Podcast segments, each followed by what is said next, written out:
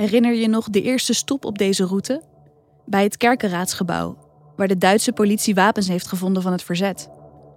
De koster is weggevoerd en wordt ruw verhoord. Het is nu vier dagen later. S'avonds laat en pikken donker op straat.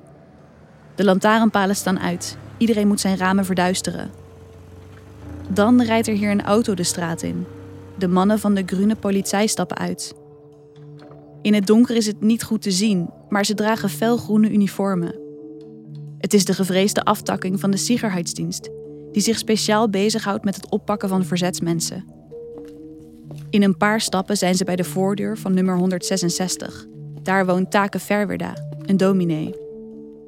Take Verwerda was een dominee die eigenlijk helemaal niet bij het verzet vertrokken was. Hij was niet fout, hij was niet goed.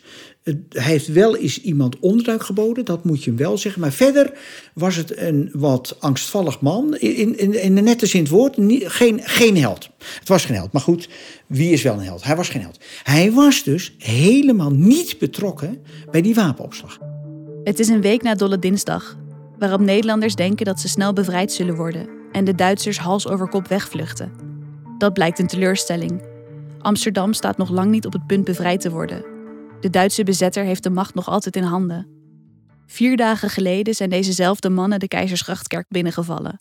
In het gebouw erachter, het kerkenraadsgebouw, vonden ze wapens van het verzet.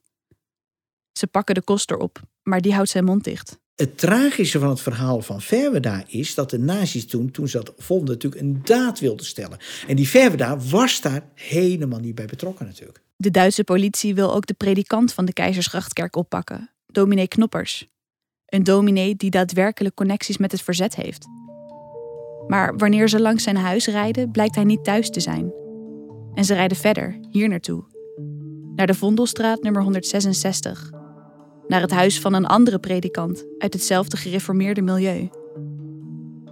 Take Verwerda, dan 68 jaar, wordt uit zijn huis gesleurd en meegenomen naar de plaats waar de wapens gevonden werden, naar het kerkenraadsgebouw aan de Kerkstraat.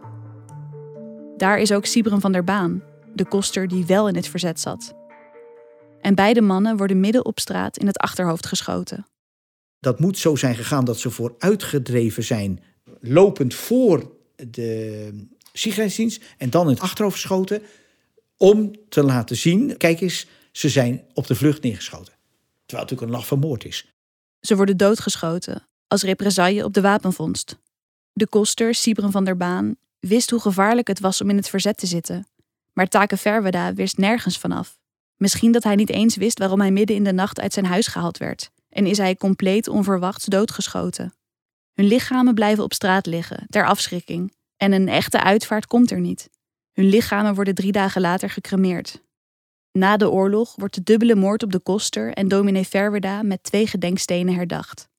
Eén in de Kerkstraat, bij het kerkenraadsgebouw, vlak bij de plek waar de mannen om het leven kwamen. En één aan de voorkant van de Keizersgrachtkerk.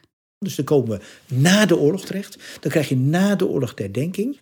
Van de Baan was een held. Voor Take Verwerda, onschuldig slachtoffer, lag dat toch iets anders. Uh, omdat ze zoveel helden hadden, klinkt er wel een beetje in. Ze wilden toch wel laten merken hij is wel gevallen, hij is omgekomen, maar hij is niet gevallen als held zoals anderen gevallen zijn. Dus uh, daar zie je al dat de gereformeerden na de oorlog ook wel degelijk de balans opmaken. Jij was wel een held, jij was het niet.